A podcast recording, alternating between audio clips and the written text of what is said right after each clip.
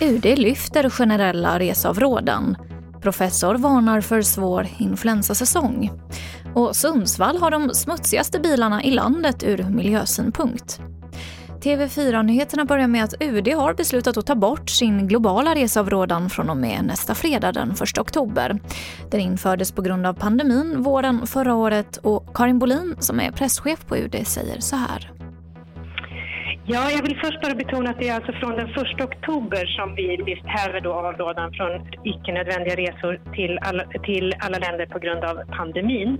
Men att avrådan eh, på andra skäl eh, såsom säkerhetsskäl gäller fortfarande även efter den 1 oktober. Eh, varför vi gör det här just nu är väl att en samlad vi gör, har gjort en samlad bedömning och vi bedömer då att en generell avrådan från icke-nödvändiga resor med anledning av coronapandemin inte längre är befogad.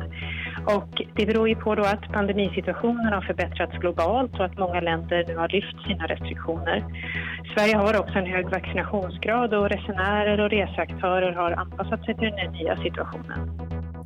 Nu höjs en varning för att den kommande influensasäsongen kan bli dödligare än covid-smittan för äldre. Det är smittskyddsprofessorn Jan Albert som uttryckt oron.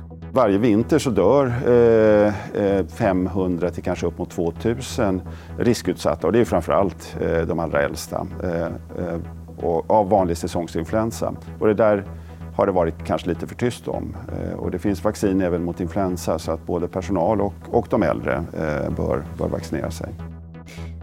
Och till sist kan jag berätta att Sundsvall har de smutsigaste bilarna i landet ur miljösynpunkt.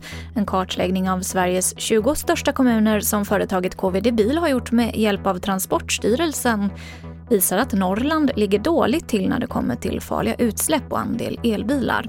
Lund rankas högst i mätningen och en förklaring till skillnaderna i landet kan vara omfattningen av laddstolpar.